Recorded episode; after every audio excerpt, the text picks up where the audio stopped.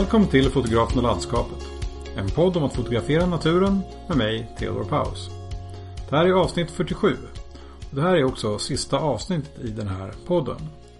Och vem är bättre att ha som en sista gäst än Anders Geidemark? Anders har varit en pelare i svensk naturfoto under decennier. Dels genom sitt eget foto av både djur och natur men också som ambassadör för naturfotot som konstform och marknadsförare av andra duktiga naturfotografer.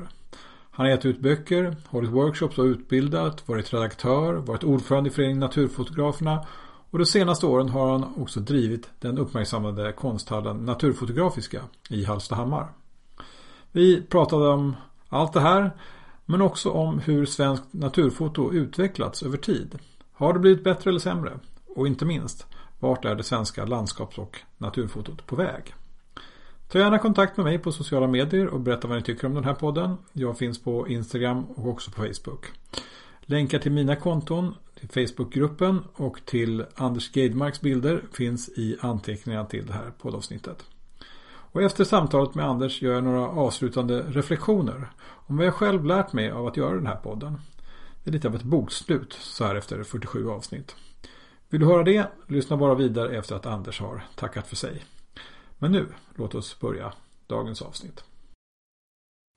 Välkommen till fotografen och landskapet, Anders Geidemark. Tusen tack Theo! Trevligt att få vara med.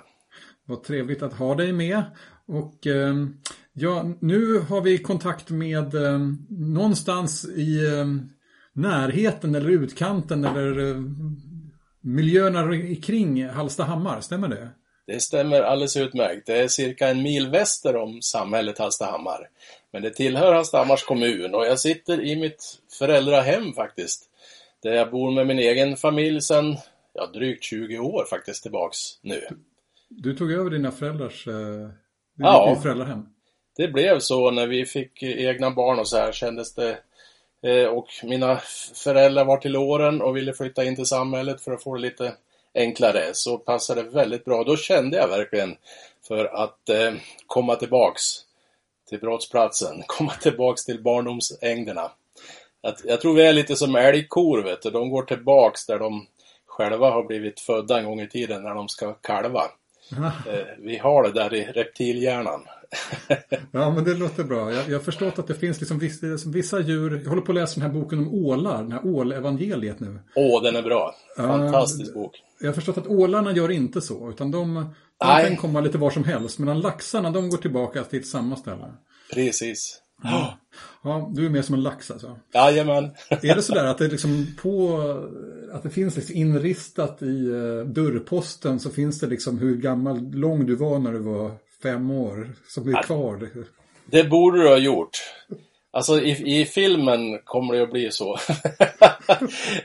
Nej men det gör det ju faktiskt inte. Men däremot så, så mina gamla lekstenar vet du, som var gigantiska när jag var barn.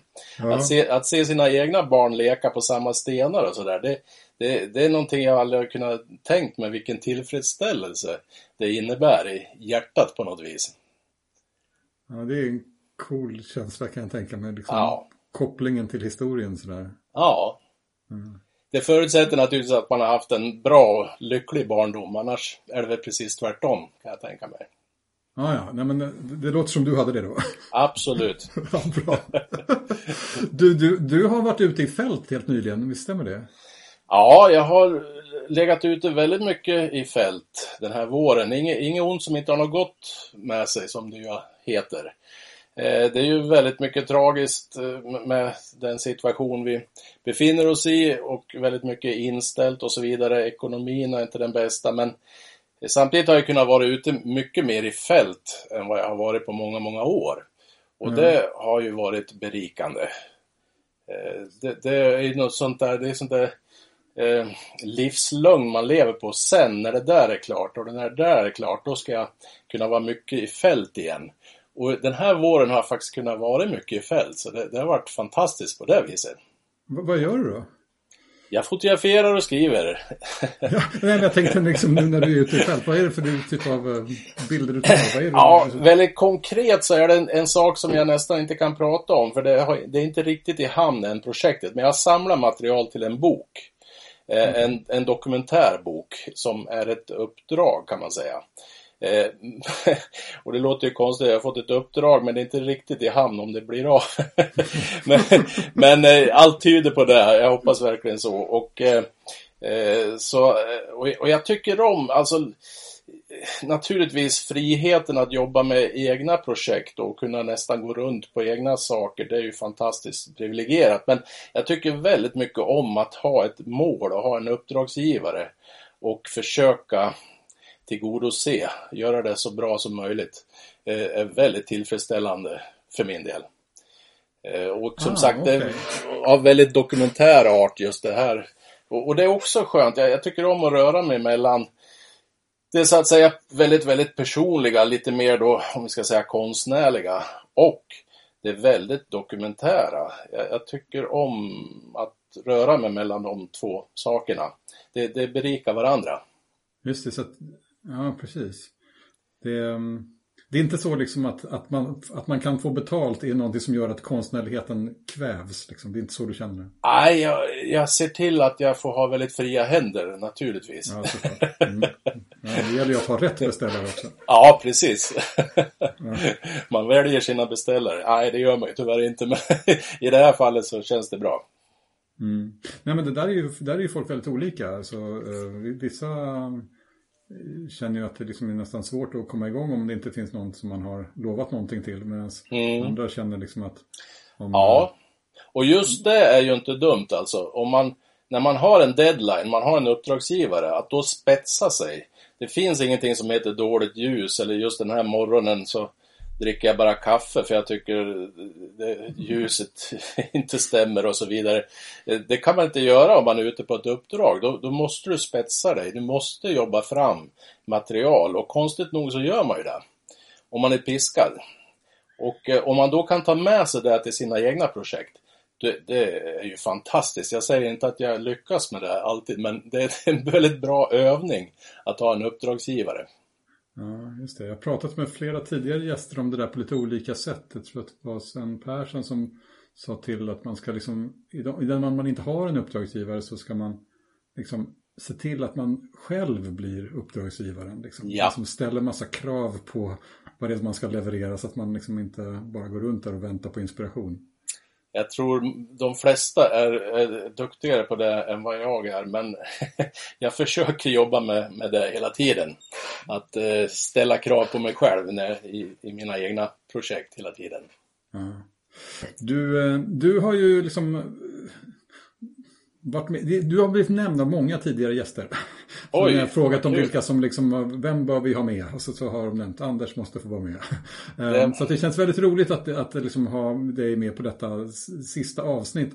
Och dels få kunna höra lite grann om alla saker som du har gjort själv. Du har ju liksom hållit på länge och liksom jobbat med naturfotot under, från många olika aspekter. Men du har också liksom också intresserat dig för liksom eh, andra fotografer liksom, och liksom gjort stora insatser för liksom, naturfotot även utanför dina egna bilder. Så jag tänkte vi kan kanske prata om båda de två aspekterna av det som du har hållit på med. ja, mycket gärna. Vi ska få använda dig också lite grann som siare om framtiden och uttolkare om det som har varit. Min tanke i alla fall. I den här aktningsvärda åldern, vet du, ja. så då, då, får man sådana frågor. Ja. ja. Men du, vi måste börja eh, med, med, med bakgrunden. Alltså, ja. hur, hur började alltihop för dig? Ja, det är mycket enkelt. Det, fann, det fanns inte många alternativ. Eh, som sagt, jag är född och uppväxt här där jag sitter mitt ute i skogen. Eh, på gränsen mellan Bergslag och Mälardal. Och eh, morsan och farsan hade varken bil eller körkort. Jag är ett äkta sladdbarn. Knappast planerad. som damp ner mitt i skogen och kom ingenstans. Långt till tvåbenta vänner. Så det var ju skogen, alltså morsan var ju hemma. Man vet ju, det förstår man ju nu hur bra man hade det. Eh, så det, skogen var mitt dagis och lekis. Jag hade knappt lekt med någon tvåbent vän innan jag började första klass. Jaha, minsann. Det, det säger kanske avslöjar en hel del. men i alla fall så, men jag kände mig aldrig ensam utan jag trivdes ju så fort jag hade, var tvungen att sitta inne och äta ibland. Sen var det ut i skogen. Och eh, så det, det, det, det, är ju naturintresset naturligtvis. Det är ju så det börjar. Sen tecknade jag, tecknade och målade och mina hjältar var ju eh, de här illustratörerna i, i min fars jakttidningar. Var ju Harald Wiberg och Gunnar Brusewitz. Bruno Liljefors fanns en poster i varje julnummer av Jaktmarker och fiskevatten fanns det en poster av en känd Bruno Liljefors målning. Och de där försjönk jag ju i och försökte ju kludda på med, med, med akvarell och tusch. Jag tog någon sån här Hermodskurs, distanskurs i teckning. Och det där, det var, så det var ju min dröm att bli en, en målande och tecknande konstnär. Det var ju mina hjältar. Men hur såg de ut de där, förutom alltså de där andra jakt... Jag kan inte riktigt föreställa mig hur, hur som teckningarna i ett jaktmagasin ser ut, eller såg ut då. Ja. Vad är det, är det liksom... Är det... Ja, det var ju inte bara jägare och, och taxar och sådär, jakthundar, utan det var ju alltså fantastiska eh, målningar och eh, blyertsteckningar av natur.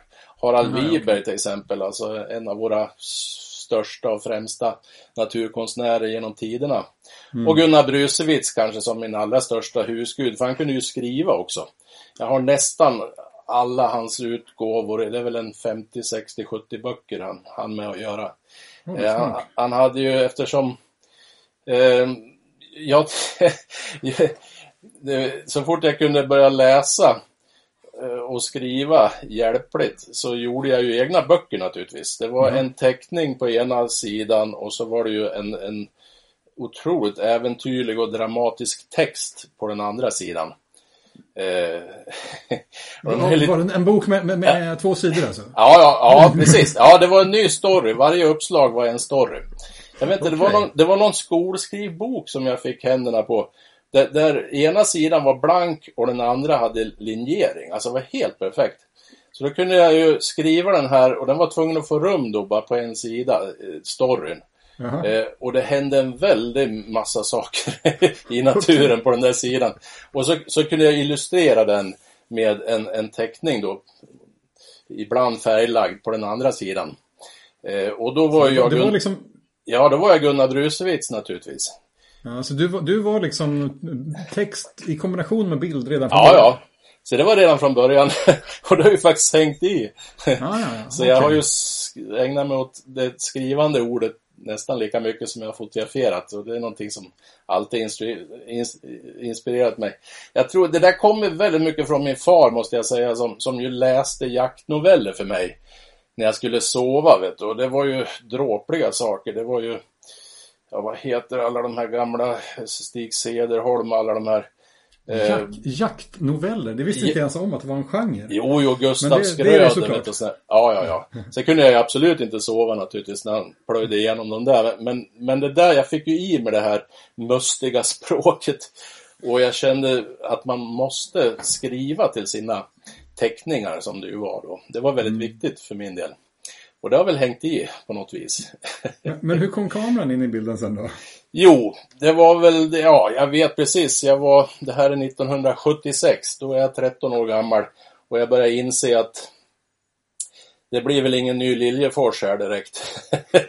Så att då köpte jag min första systemkamera. Och ett 400 tele. Det var allt mm. jag behövde tänkte jag, för jag skulle ju bara fotografera de här djuren som jag ju smyger på sen jag kunde gå. Så mm. det var inga problem att komma nära älg och rådjur och rävar och så. Jag visste precis och lockade dem med muspip och sådär. Eh, så eh, kostade 350 spänn det där 400 T kommer jag ihåg. Jag tänkte nu har jag all utrustning jag behöver för hela livet. Mm. nu har jag liksom komplett. Jag behövde ju ingen normalobjektiv och sånt där tjafs. Nej, såklart. Men sen Ja, sen var jag väl, höll jag på några år där då, fick ju hur mycket älgbilder som helst, totalt oanvändbara naturligtvis, sett i ett, ett större perspektiv. Men i alla fall, sen min morbror höll studiecirklar, och han var jaktledare och sådär här hemma i Bergsgården, samlingslokal. Och då ville han, jag var bara 15 år tror jag, han ville jag skulle komma och visa de där älgbilderna. Och då visade jag väl 100 älgbilder.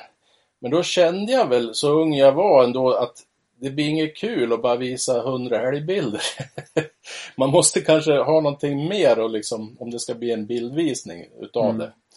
Då köpte jag ett normalobjektiv Mm. och började ta lite landskap också, miljöer. och blanda upp det hela med. Ja. Ja. Så, så var starten. Ja, och jag är väldigt tacksam för det här med föreläsning blev ju en stor sak och har varit en viktig bit i min verksamhet. Så jag är oerhört tacksam för min morbror som engagerade mig som 15-åring. Jag fick 100 spänn för det där, kommer jag ihåg. Just det. Var det den första intäkten? Första intäkten. Ja, det låter bra. Jajamän. Men sen så har det här blivit ditt liv liksom, eller ditt professionella liv? Ja, när jag var 25 år. Jag, jag gick i skogsbruksskola och skulle fortsätta på ytterligare skogsskolor och bli skogstjänsteman som alla mina förfäder har varit, höll jag på att säga. Skovaktare har varit flera stycken. Ehm, det var ju liksom min, det, det har jag, hade jag tänkt, för det var en, som en utopi att kunna leva på eh, naturberättandet eh, i text och bild. Liksom. Det, det fanns ju knappt på, på den där tiden. Eh, men det, det växte ju till sig ganska så snabbt, inte minst bildföreläsningar. Så att när jag var 25 år så hoppade jag av, då slutade jag min sista anställning. Och eh, sen dess så har jag varit frilansande eh, fotograf och skribent. Så det blir ju, herregud, vad blir det? 25 plus 32 år i år. Ja, eller hur? Ja. Tiden går. Ja, tiden går vet du. Ja, jag tänker på det ibland också när jag jag är något yngre. Men, men liksom även jag kan känna att man blir bisarrt när man kan överblicka ett kvarts sekel och sådär. Liksom, Ja. och det Ja, känns precis. som inte så länge sedan. Men ehm, ja, Det är jobbigt det där när liksom ministrar och alla liksom i regeringen och så är yngre än en själv snart. ja. Omvälvande. Ja. Men, eh, ja precis. Eh, Men jag tänker lite grann, eh, var kameran liksom en förevändning för att vara i skogen eller var skogen en förevändning för att hålla i kameran? Det är en väldigt bra fråga, men grunden var ju att få vara i skogen alltså. Och eh, sen att någon visar intresse att få se de där bilderna man gjorde, det, det var ju sporrande då naturligtvis, att ha kameran med.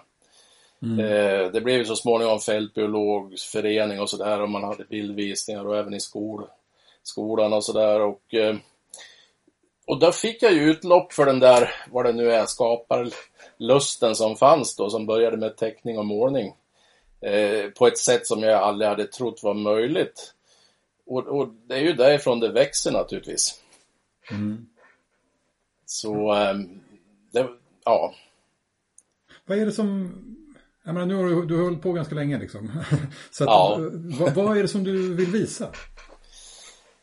Ja, alltså i det personliga projekten, böckerna, fotograferingen, så är det ju en ambition att förmedla det jag känner naturligtvis. Och i skogen framförallt. Skogen är, är ju liksom min, min hemmiljö. Och, eh, och, och överföra alltså skog, skogskänsla till varje pris. Det går över allt annat. Ehm, och jag. Ja, alltså att förmedla vad det nu är, skogskänslan, min skogskänsla. Mhm. Eh, försöka överföra det och inte då bara i var, varje enskild bild utan få ihop det i ett koncept med min text och formgivning om det handlar om böcker och så vidare. Att, att försöka berätta någonting om vad jag upplever och, och hur, hur, hur, hur värdefullt det är för mig. Eh, Att förmedla känslor helt enkelt. Mer än att visa på unika arter eller sådana saker. Det, det har aldrig varit någon ambition att jaga efter så att säga. Vad, är det, vad, vad kan det vara för känslor då? Eller liksom, Ja, det har jag funderat mycket på. Hur sätter man ord på det? Vad, vad du betyder har ju gjort det. Ja, jag har ju försökt, men eh, jag tror aldrig man kommer fram till svaret, eller alltså att man kan definiera det fullt ut. Alltså, för, för det går liksom inte. Det, det är en sån enorm känsla inom en. Jag menar, det här känner ju de flesta igen. Man kanske har havet, havsstranden istället, eller fjället eller så. För mig är det skogen. Jag trivs ju i alla sorters naturtyper, definitivt. Men, men jag, kommer, jag återvänder alltid till skogen. Eh, men att försöka få ner det i en dikt eller en, en prosalyrisk text. Eller en bild. Det är den ständiga ambitionen och det jag helst sysslar med. Nu är det svårt att överleva på det. Man får göra mycket annat. men, eh, men även då, ja, på senare år har det handlat mycket om att, att vara reseledare och naturguide, fotoguide på, på resor runt om i världen och så vidare. Och, och, men även där, alltså, jag, eftersom jag är en natur eh, nörd så trivs jag ju liksom i, i alla naturlandskap eh, och det är ju oerhört fascinerande att få, få uppleva ett, ett nytt land, en, en ny sorts eh, naturmiljö. Mm. Eh, naturligtvis, men jag bottnar alltid i min hemskog. Det är där jag hämtar kraft. K- Känner du liksom att att bilden är liksom ett, ett bra sätt att fånga in den där känslan? Ja, ett utav dem. Mm. Eh, jag, jag ägnar mig också gärna åt det skrivna ordet. Liksom i en bok så handlar det väldigt mycket om formgivningen och det är där man berättar klart sin story. Eh, men, men, och den här kombinationerna, det, att kombinera de här olika uttrycken är väl det som, jag, jag kommer längre då. Jag, jag, jag eh, hjälper mig själv att nå längre, i alla fall känner jag så själv, om jag kombinerar de här olika uttrycken. Men då är eh. målet liksom med att kombinera dem där, det är lite grann för dig att, att fånga den känslan som du hade där och då? Ja, det? Ja. Nu, nu var det många år sedan, jag gjorde ju väldigt mycket bildspel en, en gång i tiden. Att, att komponera till musik och det, det är precis samma sak. Musik är för mig, jag läser ju avverkar mycket poesi och, och, och litteratur och musik är på samma sätt min, kanske min allra främsta inspirationskälla. Dock är jag ju inte musiker på något vis, men att få möjlighet att komponera då bild till musik. Där tycker jag då också att jag når en liten bit längre än bara en, med enskilda bilder. Just det här vi pratar om att, att nå fram med känslor. Mm. Eh, så det, det är ju en ambition att komma så långt som, som det bara går Med att förmedla de här känslorna. Det, det är väl, om jag ska peka på något som jag känner är det viktigaste. Har du något exempel när du liksom känner att du fick till det? Eh, ja, alltså 100% nöjd är man ju inte, men Nej, något nej, nej. man har Men gjort. när man är ganska nöjd ganska nöjd. Och det är ju när man har haft tid på sig. När jag gjorde min första bok, Stigen ur hav av vingar skuggad. Så den jobbade jag med under fyra år. Och jag var sammanlagt sju månader då på Island. Den, den handlar ju bara om Island. Mm. Och jag jobbade med det här bildspelet. Jag, jag eh, eh, gjorde ju då demo på, på musikklipp då och som jag hade med och lyssnade på i freestyle-hörlurar på den tiden, kassettband i det isländska landskapet och tog de här bilderna då som skulle passa i de här sekvenserna där jag väldigt detaljerat hade gjort min, min bildmanus och så vidare. Och där hade jag ju så oerhört mycket tid på mig och ingen press. Det här var ju Ja, det var första åren jag hade kastat loss faktiskt som frilansare. Men, men i alla fall, det var, jag ingen uppdragsgivare, ingenting. Ingen förväntades det här. Utan jag höll helt enkelt på så länge som jag ville. Och eh, där kan jag ju inte skylla på någonting så att säga. Att jag, att jag var tvungen att stressa fram någonting eller, eller något sånt. Så det, där hade jag alla möjligheter att, att komma så långt som jag förmådde helt enkelt. Mm. Och det blev ju då både en bok och ett bildspel och en utställning som gick runt en hel del. Ja. Och, och där kände du att det blev bra? Liksom. Det var ett, ett, exempel. Ja, jag, jag kände någonstans att jag fick fram eh, det jag ville Ja. eh, beskriva. Det, det kände jag och det, tack vare musiken då i bildspelet som jag ju naturligtvis väldigt noggrant hade valt. Jag konsumerat så otroligt mycket musik så det, det är väldigt enkelt för mig att, att, att välja musik som passar för den känslan jag ska beskriva. Ja. Eh, eh, ja, och eh, text, nu var blev det inte väldigt mycket text i den boken men eh, i alla fall så, så det konceptet jag byggde upp tyckte jag, jag jag fick fram på det sätt jag kunde förverkliga mina ambitioner. Det tycker då, jag. Du blev liksom multikonstnär då? Liksom, eller, multi, vad heter det? Man- Ja, det där har jag aldrig tänkt på, men jag har ju stött på det där att man, man får visst inte vara det. Man Får får, man vara, inte? nej, man får bara vara en sak. Jaha, vem säger tyck- det? tyck- ja, det är en ganska vanlig uppfattning. Det- det- man, nej. Eh, Och det där har jag aldrig förstått. Jag, de musiker jag tycker jag inspireras mest av. De har ju både komponerat musiken och de har eh, oftast producerat och de spelar många olika instrument själva och så vidare. Eh, jag tyckte det har, det har varit någonting, en styrka istället för att vara eh, en svaghet. Eh, sen, sen, har jag definitivt, sen har jag i så många olika sammanhang samarbetat med folk och det är så oerhört givande och roligt. Mm. Eh, på ett annat plan. Men när man gör det där väldigt, väldigt personliga, att då få möjlighet att berätta storyn till sitt slut. Mm. Jag vet många kollegor som har gått till ett stort bokförlag och så vidare med sin, sitt fantastiska material och sen får man hem en färdig bok i princip. Man har ingen inblick alls i. Och, då, och där står ens namn på framsidan och sen andemeningen är totalt förstörd.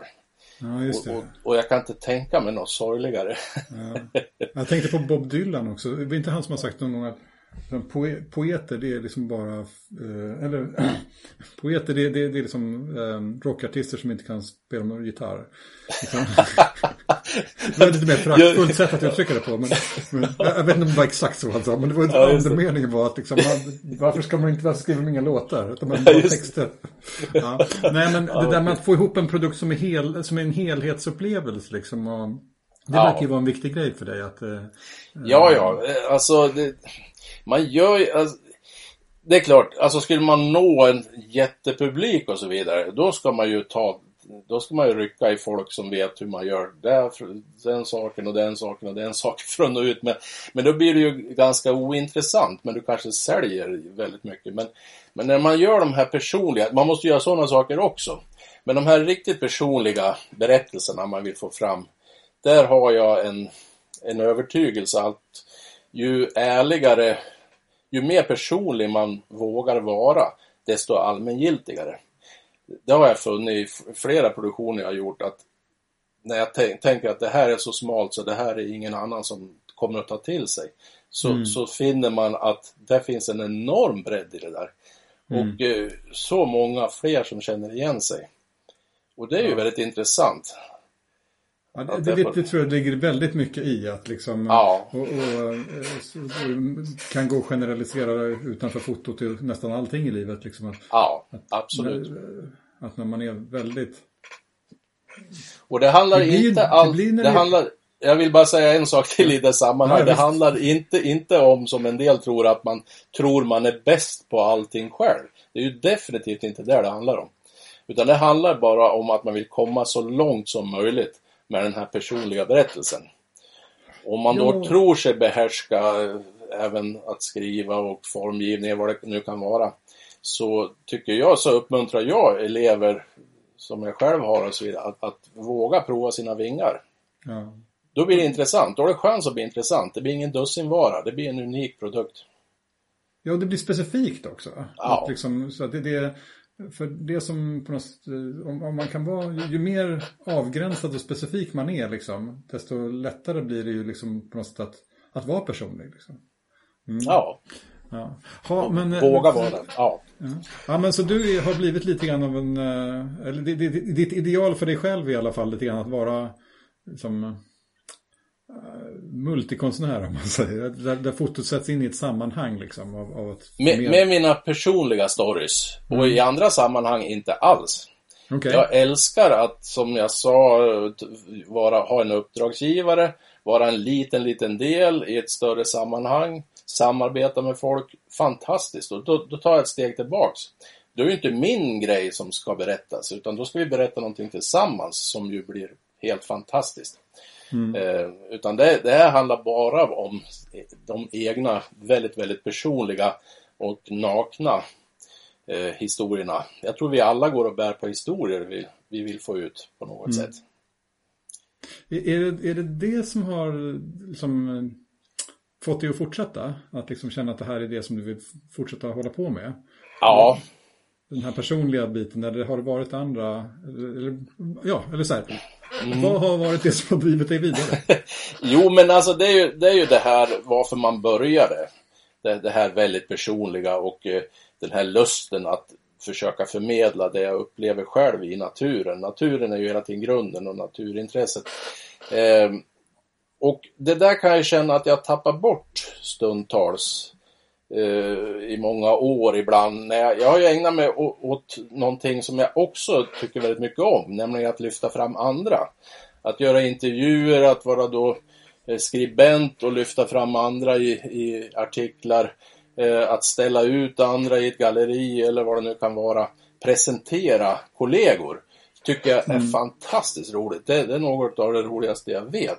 Men det, det, finns en risk där att man tappar bort sitt eget. Eh, varför man började med det här en gång i tiden, det man brinner för. Eh, det som ger energi. Att mm. man måste också få hålla på med, med det egna. Så, någonstans så är det samma liksom, drivkraft som när du gjorde de där ritböckerna med bara randiga ja. och eh, vita pappret. Absolut, det är precis mm. samma sak. Det, är bara att erkänna att så, det är så det ser ut. Ja.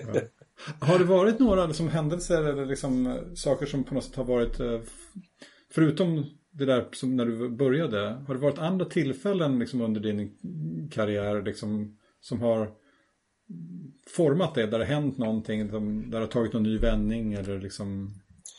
Det har det ju varit definitivt. Um en av mina böcker, Allén, bilder av ljus och mörk ensamhet, kom ju till av, av en enda orsak och det var en backlash av min första bok, Stigen ur hav och vingar skuggad.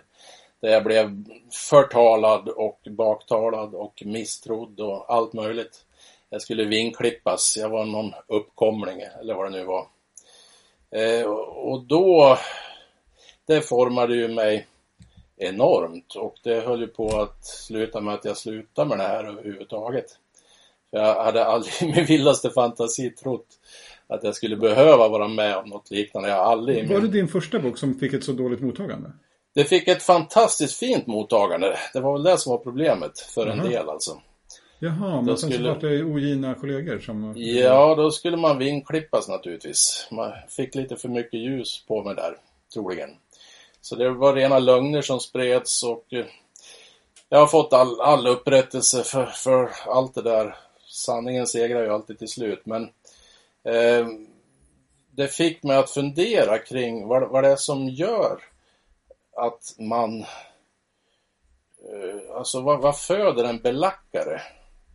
Mm. Eh, vad, vad, vad är det som gör att man hamnar i den mörka ensamheten? Jag, jag är ju uppfylld av den ljusa ensamheten, alltså uppväxt helt ensam men kände mig aldrig ensam. Mm. Eh, och jag, jag, har fortfarande behov av att få vara ensam eh, då och då.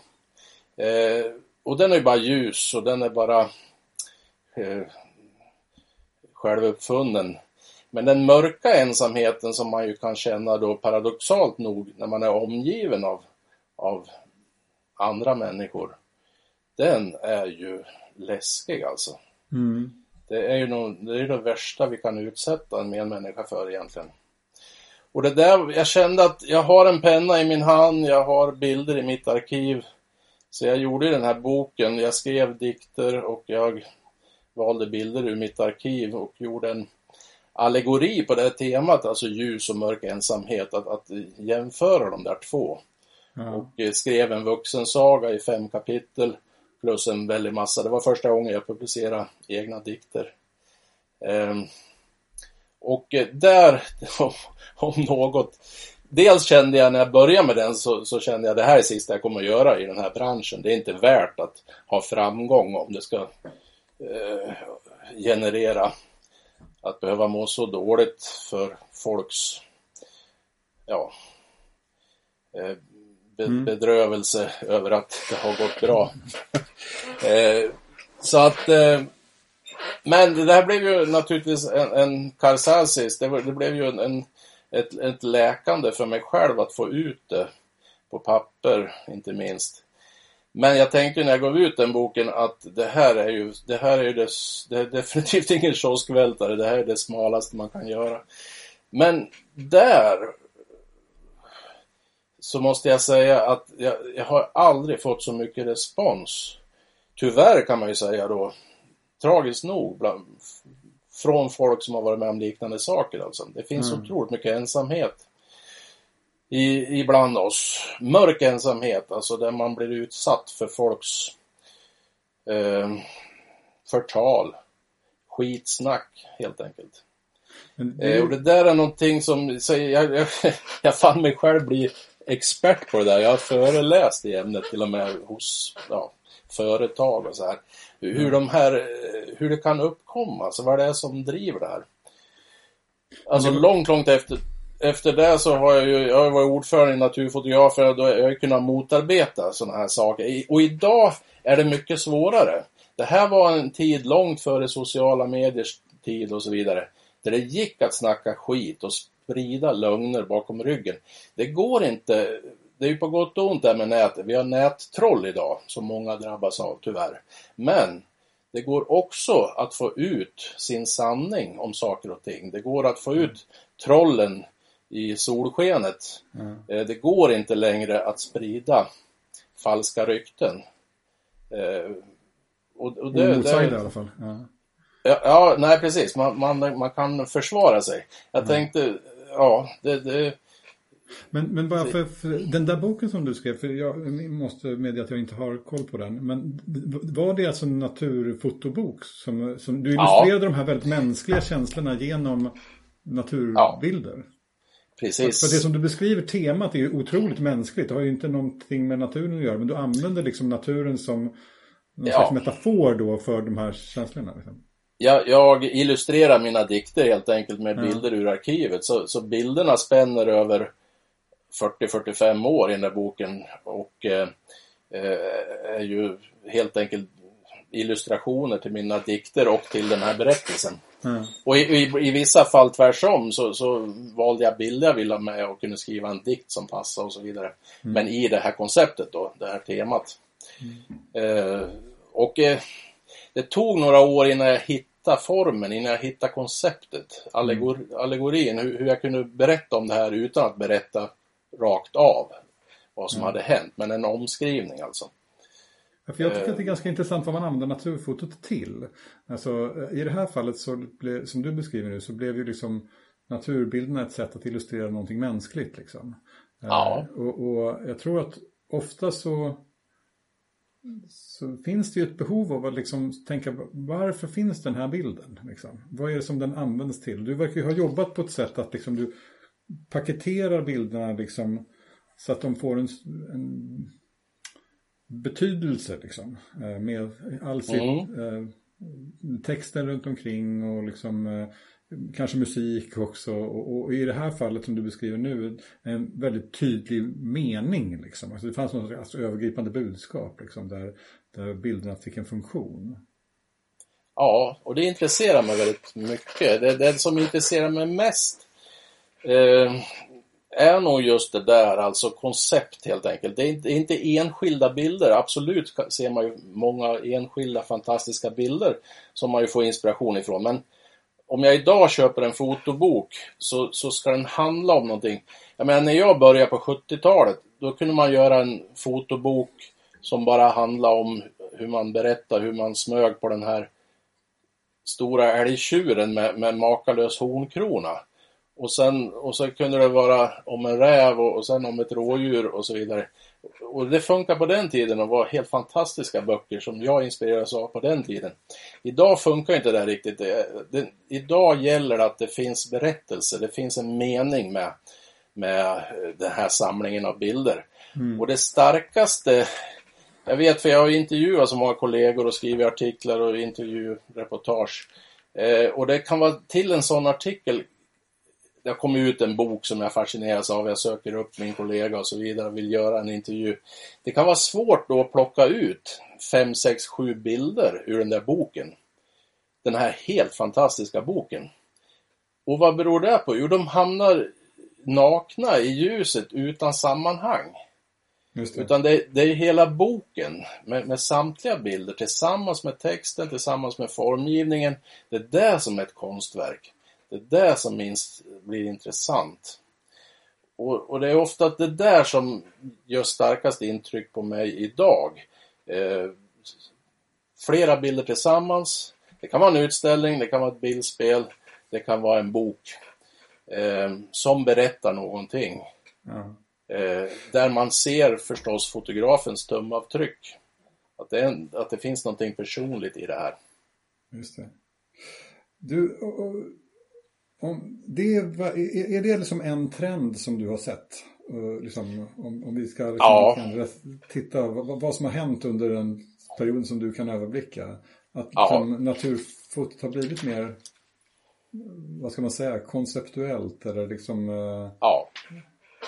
Absolut. Det gick ju bra att leva 70 och 80-talet inte minst så kunde man ju leverera fantastiskt vackra naturbilder till bildbyråer.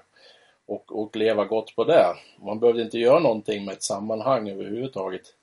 Eh, det, det, funkar ju inte längre utan nu, nu, nu, är man beroende av sin publik, läsare, eh, föreläsningspublik, vad det kan vara. Att man sätter, sätter ihop bilder till, mm. till ett program Eh, till, till någonting som berättar någonting mer än att bara visa en fantastiskt vacker naturbild. Mm. Vad, vad, ser du mer för liksom, eh, förändringar som har varit under liksom, de, om man ser de decennier som du kan överblicka och mot idag?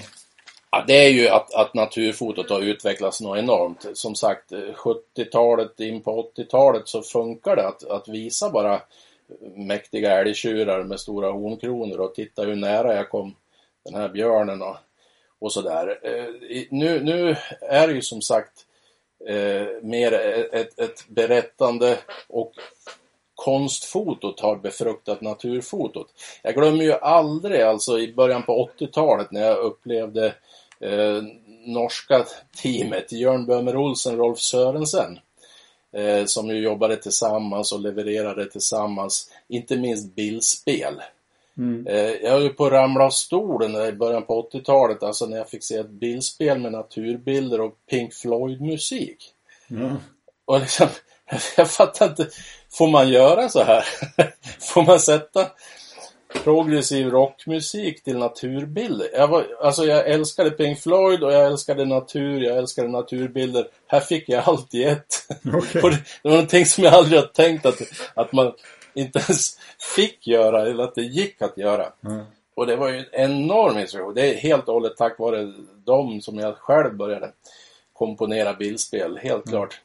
Eh, och, och, den där utvecklingen alltså att, att vi närmar oss andra uttryck och, och sammanför med andra uttryck. Eh, släpper loss mer. Jag, jag, har varit med så länge så när man tog en bild med lång slutartid på, på en flyende rådjur så var inte det naturfoto riktigt. För det mm. var ju suddigt. Det var ju rörelseoskärpa. Mm. en naturbild ska vara skarp. och du hör, Hårda alltså, krav. Ja, ja, idag skrattar vi naturligtvis åt alltihopa. Men, men det var ju så lustigt då. Och här måste jag säga, det, det har ju gjort, haft en enormt positiv inverkan att vi har fått fler kvinnliga fotografer. Mm. De har ju kommit in med totalt prestigelöst det här Kolla jag har sovit under en gran i 14 dagar och sen kom jag så här nära här älgtjuren det, det, det, det är ju totalt betydelselöst. Utan allt handlar om det estetiska. Eh, det konstnärliga uttrycket. Har de varit bättre på det? Eller har de tillfört ja. mer det? Inte så mycket vi, alltså, vi fick, långa objektiv? Nej, vi, vi fick ju bara skylla oss själva. Alltså på den tiden. Att det är klart att det inte intresserade kvinnliga fotografer, med några få undantag. Det här liksom mera sport, mera jaktbeteendet mm. i naturfotot. Eh, utan eh, det är först när det, när det började öppna upp och det blev mer estetik i det hela som eh, det intresserade kvinnor, kvinnliga fotografer. För kv, framstående kvinnliga fotografer har ju funnits i alla andra genrer av, av foto än naturfoto till för bara 15-20 år sedan. Just det. det är ju häpnadsväckande men, men så har det ju sett ut faktiskt. Jag menar, för du har ju liksom haft eh, liksom, eh, örat mot rälsen här hela tiden. Eh, liksom, och inte minst inom med det som du har gjort med naturfotografiska.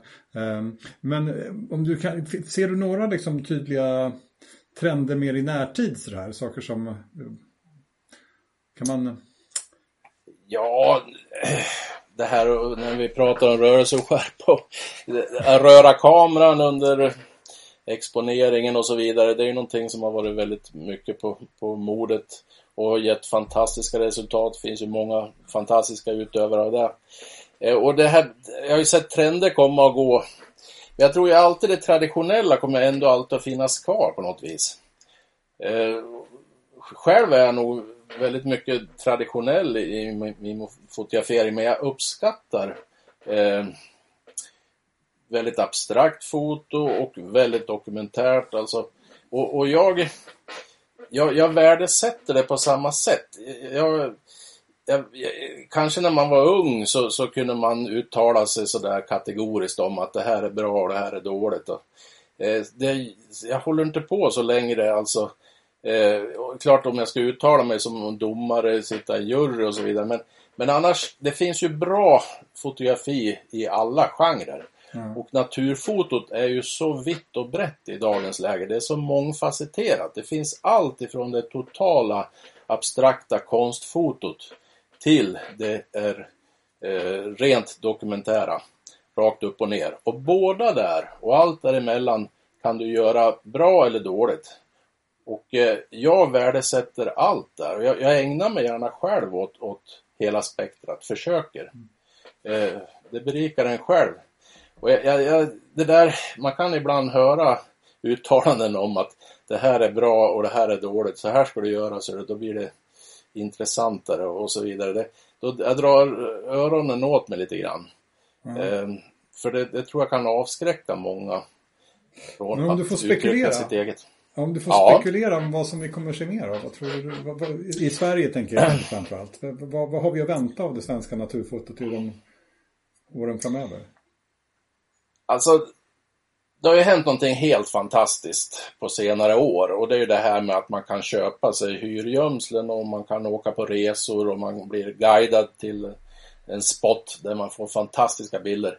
Och för min del, jag tycker det är bara positivt. Inte minst är det positivt för naturen själv. Alltså hela ekoturismtanken är ju någonting som, som borgar för att vi åtminstone i plättar, öar, får ha kvar ursprunglig natur. Och att vi kan sätta ett pris på att uppleva ursprunglig natur och så vidare. Och framför allt har det ju gjort att naturfotot är ju större än vad det någonsin har varit. Och så mm. enormt många utövare. När jag började på 70-talet då, då, var vi ju inte många som höll på överhuvudtaget. Dels digitaliseringen, det har blivit så otroligt mycket enklare och du kan åka till en plats, bli serverad möjligheter att få bilder som du kan tävla med i världsmästerskap mm. direkt över en natt. Och, alltså det, det, det, sånt hände ju inte, fanns ju inte förr i tiden. Så det har naturligtvis öppnat upp hela intresset för det hela och det tycker jag bara positivt. Men baksidan av det är också att det finns så otroligt mycket fantastiska enskilda solobilder på, och på arter som vi bara kunde drömma om på 70 80-talen. Eh, som sagt, på gott tycker jag. Men då gäller det i ännu högre grad att visa upp det personliga. Mm. Att våga ta ett steg tillbaks.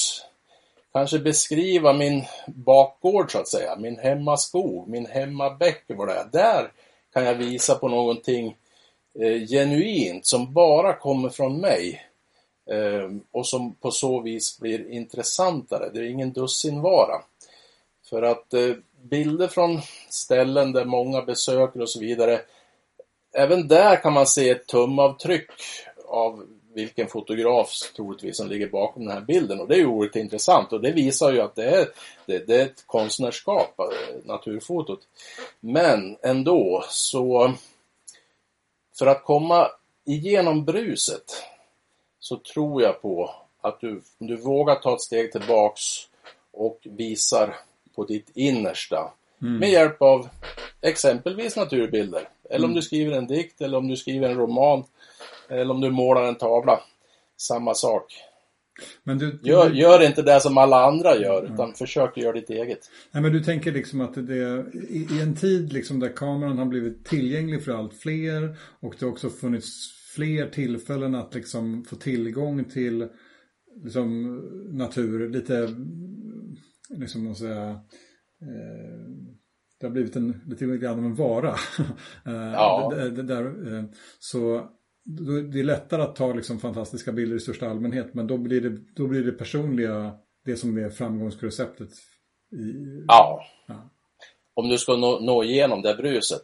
Det är ju likadant inom musik eller vad som helst. Alltså det, eh, där det finns mycket utav så att säga ett stort utbud.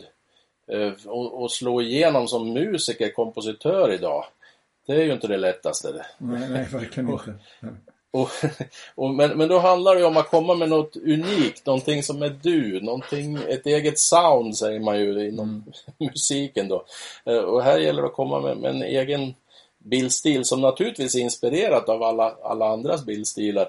Men att du inte bara försöker upprepa det som alla andra har gjort. Mm. Eh, det kan ju vara en tillfredsställelse för dig själv. Jag, jag, kunde också ta en sån där fantastisk bild och det ska man göra där, absolut. Men att försöka hitta det där och det handlar ofta om stories tycker jag. Att, att man börjar hemma, hemma på vinden, alltså i kammaren och, och skriver ner idéer och tankar och stories. Jag försöker när jag undervisar att, att börja i den änden. Börja med penna och papper. Gör ett bildmanus. Vad, vad, vad skulle du vilja berätta från... Först och främst, vad har du ditt hjärta? Är det torget i stan eller är det skogsbäcken hemma?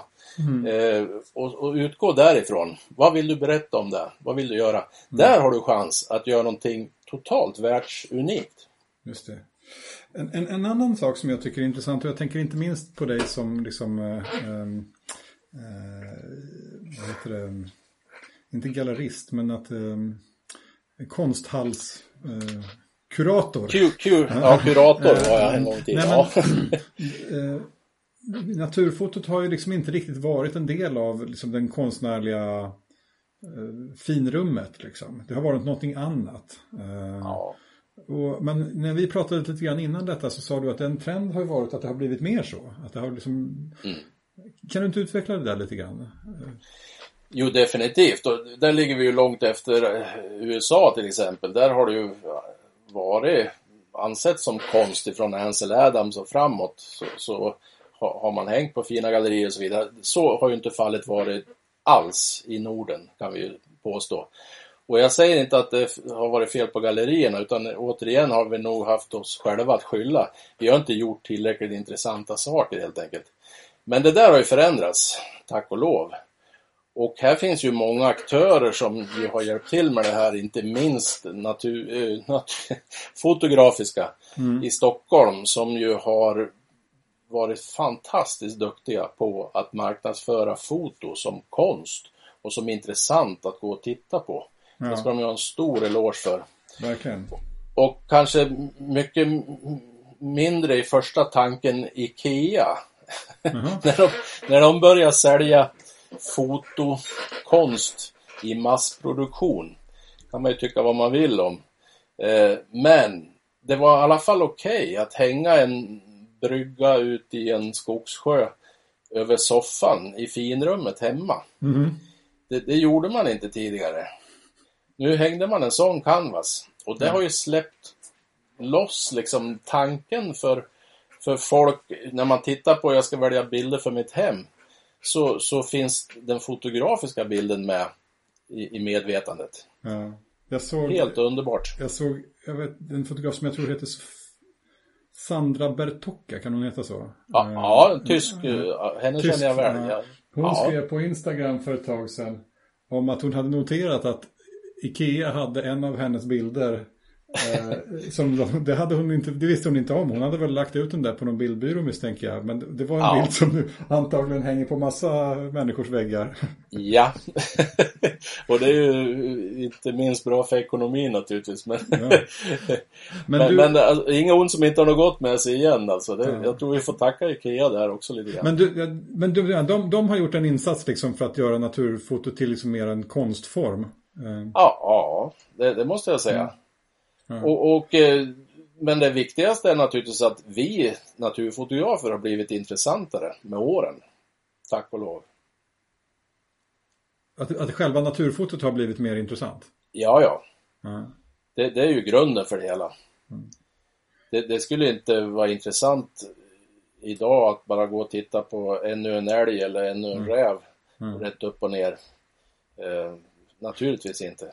Hur viktigt tror du det har blivit att antalet fotografer i sig har ökat? Att liksom, jag, menar, jag tror att det är ganska många som lyssnar på den här podden till exempel själva fotograferar. Och ganska många som på något sätt besöker naturfotografiska, eller när de gjorde det liksom, har varit fotografer själva och sådär. Men alltså, hur, hur viktigt tror du det har varit att anta att liksom, fler har en kamera, om man säger? Jo, men det är ju det som har släppt loss alltihopa. Och det, det var ju i och med digitaliseringen naturligtvis. Mm. och ehm, eh, alla, alla tar ju bilder som man säger idag, om så bara med mobilen. Och, och, och, det är ju jättebra. Jag tycker det är bara positivt. Det är ju fantastiskt. Och det är det som har skapat intresset. Det är ju därför flera vill lyssna på vad en naturfotograf har att säga till exempel. Eh, och låta sig inspireras och, och, upptäcka att eh, jag kan ta en sån där fantastisk bild. Eh, det var liksom inget, inget mysterium utan och, och, det handlar ju om det här lättare tekniken, jag kan direkt se resultatet digitalt och så vidare. Och jag kan experimentera, det kostar ingenting att experimentera. Allt det här har ju släppt loss eh, skapar ådran hos ja. flertalet. Ja, du låter väldigt optimistisk inför framtiden. Är det så man ska tolka dig? Ja, det hoppas jag att man gör. för att det, det så känner jag själv. Mm. Det, det, är ingen utdöende konstform. Fotot eller naturfotot. Eh, definitivt inte, utan tvärtom. Mm. Och det är bara bra för oss yrkesutövande. Alltså, det är bara positivt att det blir fler som blir intresserade. Ja, det är inte så att ni känner er flåsade i nacken och omkörda? Nej, nej, nej. Då är man ju rökt själv. Det, det, in, ingen kan göra mina bilder. Jag kan inte göra någon annans bilder. Alltså så, den grundtanken måste man ju ha. Den, den respekten för sig själv och för andra. Eh, och, utan tvärtom, jag, jag låter mig inspireras av eh, det otroliga utbudet av väldigt, väldigt bra naturfoto idag. Det, det, det, ger, det berikar ju min, min, min utövning. Ja. Du, eh, vi börjar närma oss slutet här och jag tänker liksom lite grann fortsätta där du precis slutade. Att, eh, liksom, har du några fotografer som du kan nämna som du känner att de här är särskilt intressanta nu? Kanske säger någonting om vad som kommer i framtiden? Eh, ja, tillväxten är ju betryggad, absolut. Det, det, märker man ju hela tiden. kommer det nya namn och unga, nya fotografer, inte minst kvinnliga. Jag tror där, där har vi, ser vi det allra intressantaste. Som, som vågar ta lite andra och nya vägar. Eh, och det, det, finns oerhört många, det är svårt att namnge. Eh, nu, nu nämnde du själv Sandra Bartosz, otroligt mm. inspirerande fotograf. Vincent Monier, fransmannen kanske jag håller som den allra främsta idag om vi ser internationellt. Eh, nationellt, vi har i Sverige kan vi vara stolta över och, och i Norden, jag, jag umgås ju väldigt mycket med både norska och finska naturfotoorganisationer och kollegor, fotografer. Och eh, vi är ju och vi var ju väldigt tidigt framme med den nordiska stilen eh, för naturfoto. Den här äktheten och, och eh, känslan för natur. Vi är fortfarande ett, ett nära naturen folk. Eh, och det finns många, eh, alltså jag har ju, jag känner ju de, de flesta eh, utövarna eh, som ju syns och, och hörs lite mera. Eh, Mats Andersson, Erik Malm, eh, Hans Strand, många goda vänner som, som gör fantastiska saker. Jag tror du har intervjuat en del utav ja, dem. Precis. Mats har inte varit med, men de, de andra har varit med. Men, men det där är ju bara ja. män. Ja, just det. Men det finns så många kvinnor. jag, jag, jag, jag, drar mig som du hör för att börja rabbla namn. För sen, sen när vi avslutade så tänkte jag, varför, varför sa jag inte hon? men, men det finns... och du vet, i stunden bara få fram. Men, men vi har fantastiska kvinnliga fotografer som inte bara är fantastiska fotografer utan som också är oerhört goda ambassadörer mm. för naturfoto. Jag tänker på Anette Seldén, en väldigt god vän. Camilla Noresson. Eh, vi, vi har och du ser, nu skulle jag vilja rabbla väldigt, väldigt många till. Men jag och namn för det första går inte ihop riktigt. Men det är utmärkt för du tipsar om, om, om personer som har varit med i podden tidigare. Så att om man är sugen ja. på dem så kan man förutom att titta på deras bilder så kan man gå tillbaka till tidigare avsnitt och lyssna. Toppen. Um, Mm. Du, du får avsluta, eh, inte bara det här poddavsnittet, utan hela det här eh, Eh, hela den här podden eh, med att säga vad, vad, är dina viktigaste tips till den som blir, vill utvecklas som naturfotograf? Oj, ja. Ja, först och främst hedrande att få, få avsluta här, finalen. Det var väldigt trevligt. Eh, ja, alltså om jag går till mig själv. Titta på så mycket bilder som du bara kan. Och inte bara bilder, titta på all sorts konst. Läs böcker, lyssna på musik, läs poesi. Eh, inspireras av allt du ser. Och sen försök koka ner det där till, till någonting eget. Lyssna på ditt inre. Vad är det jag vill berätta? Vad vill jag tillföra världen? Eh, det är fantastiskt första gången man står inför en isbjörn och jag har fått en bild på en isbjörn. Men då har jag gett bara världen ännu en isbjörnsbild. Men hur kan jag göra den där bilden? Hur kan jag beskriva det så att jag får fram min känsla för det här björnmötet? Mm. Eh, och tänk stories. Mm. Tänk stories. Vad vill jag berätta i ett större sammanhang? Idag kan man ju göra en bok i ett exemplar. Ingen annan behöver se den här boken. Men tänk att, på att jag ska göra en bok. Jag ska banne mig göra en bok om min story. Den kommer bli hur bra som helst och intressant för mig. Och känns det så, så kan jag garantera att den kommer att vara intressant för en bredare publik. Du, det, var, det får bli uh, de sista orden. Jag tycker det var en fantastisk sammanfattning av um, um, ja, vad man kan tänka på och uh, hur man ska se på naturfotot. Både för egen del och uh, i Sverige och framåt. Stort tack för att du var med Anders. Tusen tack Theo, den där timmen gick fort.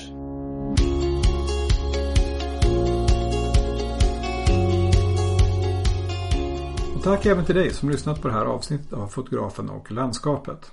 Kanske du rent av lyssnat på något av de tidigare avsnitten? Tack för det också i så fall. När jag nu avslutar den här podden efter 47 avsnitt är det just ordet tack som känns viktigast. Tack till alla fotografer som ställt upp som gäster, som bjudit på sin tid och sina berättelser och till alla er som lyssnat. Till alla er som hört av er med idéer och feedback och till alla er som jag träffat som berättat om ert fotograferande och delat med er av era funderingar. Det har varit helt fantastiskt. Jag vill också rikta ett särskilt tack till min fru och min familj som stått ut med allt detta poddande som jag ägnat mig åt de senaste dryga ett och ett halvt åren. Det är såklart omöjligt att på ett rättvist sätt summera allt det som sagts av de 47 gäster som varit med. Men om jag ändå ska försöka, och det, och det vill jag gärna, så skulle jag vilja lyfta fram tre saker som jag själv lärt mig av att lyssna på alla dessa fotografer. Det första är att svensk landskapsfoto är en bred genre. Att göra den här podden har varit en upptäcktsresa och jag har fått upp ögonen på så många nya typer av landskapsfoto och så många nya typer av fotografer. Jag hade inte fattat innan att det fanns en så stor bredd. Det är alltifrån det lilla makrolandskapet till det stora flygfotot. Från det introspektiva konstfotot till det dokumentära. Från snabba bilder på Instagram till projekt som tar år att planera och genomföra. Det finns kluster av fotografer som känner varandra väl men också fotografer som lever lite vid sidan av. Det finns så mycket att inspireras av och hitta sina egna favoriter ibland. Jag kan personligen tycka att många av de intressantaste fotograferna och bilderna finns i gränslandet mellan de olika subgenrerna inom landskapsfoto. Där bilderna är inte lika styrda av hur det kanske förväntas se ut. Där kartan ritas om och ny mark bryts. Och det finns ju så många sådana gränsland eftersom det finns så många subgenrer. Det andra är att landskapsfoto handlar mer om människor än om naturen. Ja, eller minst lika mycket i alla fall. Nästan alla gäster i podden har beskrivit hur de i sina bilder vill fånga en känsla av som de fått när de varit i naturen. För vissa fotografer är det här mer uttalat. Att de egentligen fotograferar sitt eget känsloliv och mest använder naturen som motiv för det. För andra väcker naturen i sig känslor som inspirerar till bilder. Men oavsett ingång så handlar landskapsfoto väldigt mycket om oss som tar bilderna. Våra tankar och känslor, vår blick och våra funderingar. Och som Anders Geidmark var inne på i det här avsnittet så blir bilderna som mest intressanta när de blir just riktigt personliga. Med andra ord, när de verkligen handlar om den som tagit dem. Min sista lärdom är att landskapsfoto i Sverige är en välkomnande familj. Det har varit några gäster som nämnt att de behandlats illa av kollegor och det är såklart tråkigt. Men den bild som jag har fått av communityn kring naturfoto i Sverige är helt annorlunda. Jag har pratat om detta i tidigare avsnitt också och jag återkommer gärna till det. För både i mitt eget fotograferande och de erfarenheter jag har haft av att driva den här podden har jag bara mötts med generositet och värme. Sedan jag började med landskapsfoto för nu ett par år sedan har jag mött människor som delat med sig av massor av tid. Som tipsat mig om bra platser där jag kan fotografera på. Som dragit med mig ut i fält. Som gett mig förslag på nya poddgäster. Och personer som jag ska höra av mig till när jag själv ska fotografera någonstans. Nästan aldrig har jag fått ett nej och aldrig den minsta sura kommentar. Däremot massor med pepp och stöd. Kanske har jag bara haft tur, men någonting säger mig att det skulle vara svårt att ha så här mycket tur. Jag tror helt enkelt att alla ni som sysslar med naturfoto i Sverige är ett väldigt trevligt och bjussigt gäng som välkomnar nya ansikten. Det gör mig också hoppfull för framtiden. För vad kan vara bättre för det svenska naturfotots framtid än en miljö där människor känner sig välkomna och stöttade? Och med de glada orden väljer jag att runda av den här podden. Avslutningsvis vill jag säga att eh, detta och tidigare avsnitt av podden kommer ligga kvar på nätet under minst ett år. Så om du har något äldre avsnitt som du vill lyssna på så är det alltså ingen brådska. Även Facebookgruppen kommer att finnas kvar tills vidare. Lite som ett arkiv över de samtal som vi har fört. Länkar till Anders Geidmarks bilder och till de fotografer som han nämnde i slutet finns i anteckningarna till det här poddavsnittet. För egen del planerar jag nu att lägga lite mer tid på mitt eget foto och om du är nyfiken på hur det går får du gärna följa mig på Instagram. Vi ses där. Eller så ses vi i naturen. Allt gott och än en gång, tack!